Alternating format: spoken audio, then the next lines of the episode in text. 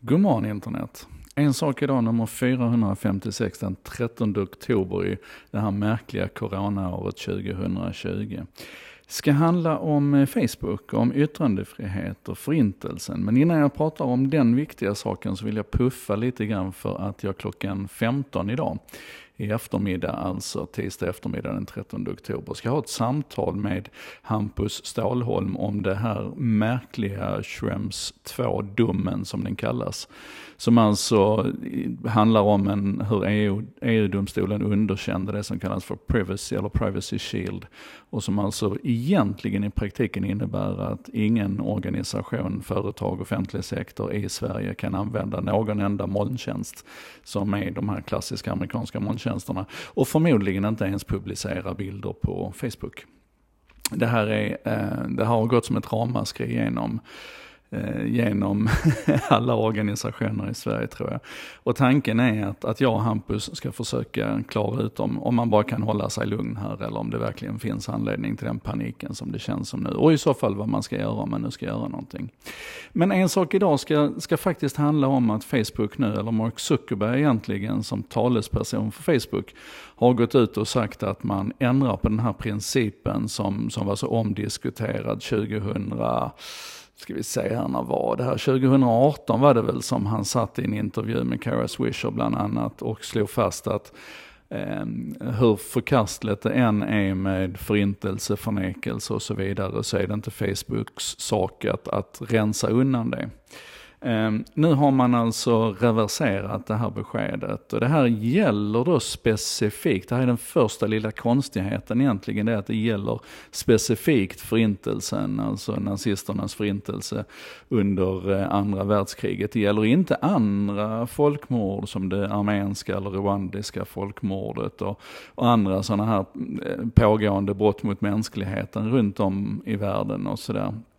Ehm, men, men, man menar då på att, att Mark Zuckerberg menar i alla fall att hans tänkande har utvecklats liksom och hans förståelse för den här frågan har utvecklats. Och därför så är det då rätt att stoppa sådana här poster som förnekar eller ifrågasätter eh, om förintelsen har ägt rum.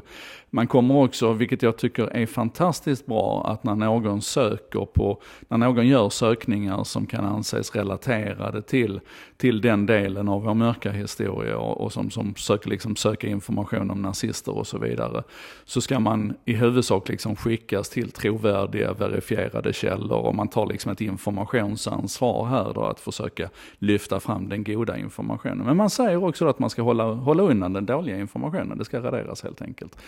Och, och, förutom då det egna tänkandet och, och kraftig lobbying som, som Mark Zuckerberg säkert har utsatts för, så pratar han om att, att det har kommit en undersökning nu nyligen som säger att Eh, unga i USA mellan 18 och 39 års ålder, där är det en fjärdedel som tror att förintelsen är en myt, att man överdriver eller åtminstone inte är säkra på att det här har hänt och så vidare. Och det är ju naturligtvis fullständigt bisarrt.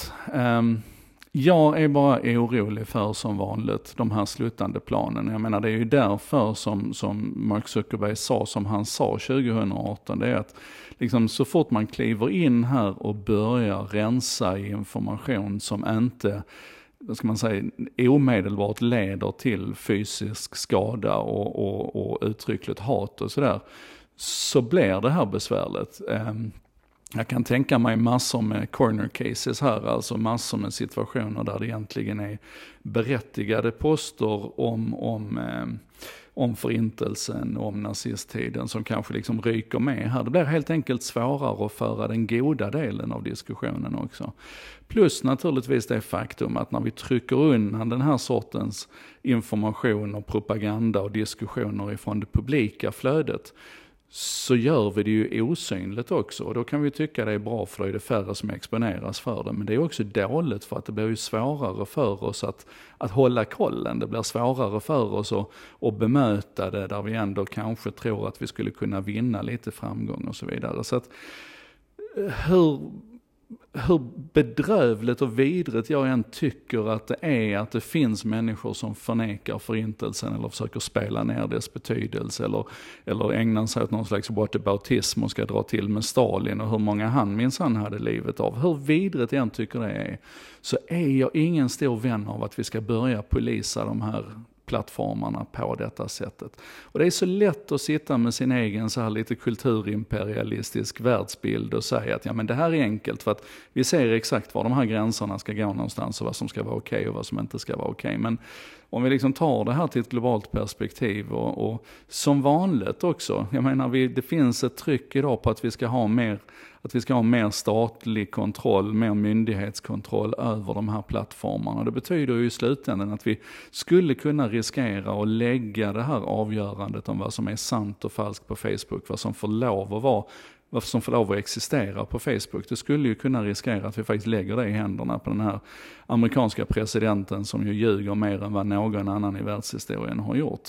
Är det hans sanning som vi är beredda att, att slåss för på Facebook.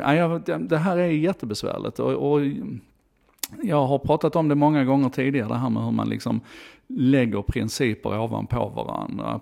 Liksom principle prioritation, liksom, för att de kommer, principer kommer alltid att komma i konflikt med varandra. Då är frågan liksom i vilken ordning du ska lägga de här principerna när de, när de när de inte pekar åt samma håll.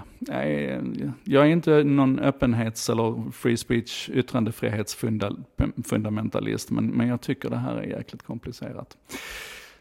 Så det är väl inte så mycket mer att säga om det då. Det här var en sak idag, nummer 456. Jag hoppas att vi ses klockan 15 idag. Jag är supertaggad för den här intervjun eh, med Hampus, som kan komma att bli den första av flera på just det här ämnet, eftersom det är så många som är oroliga för hur man ska hantera det här, så kan det vara att vi inte hinner gå på djupet idag och att Hampus kanske inte sitter på alla svaren.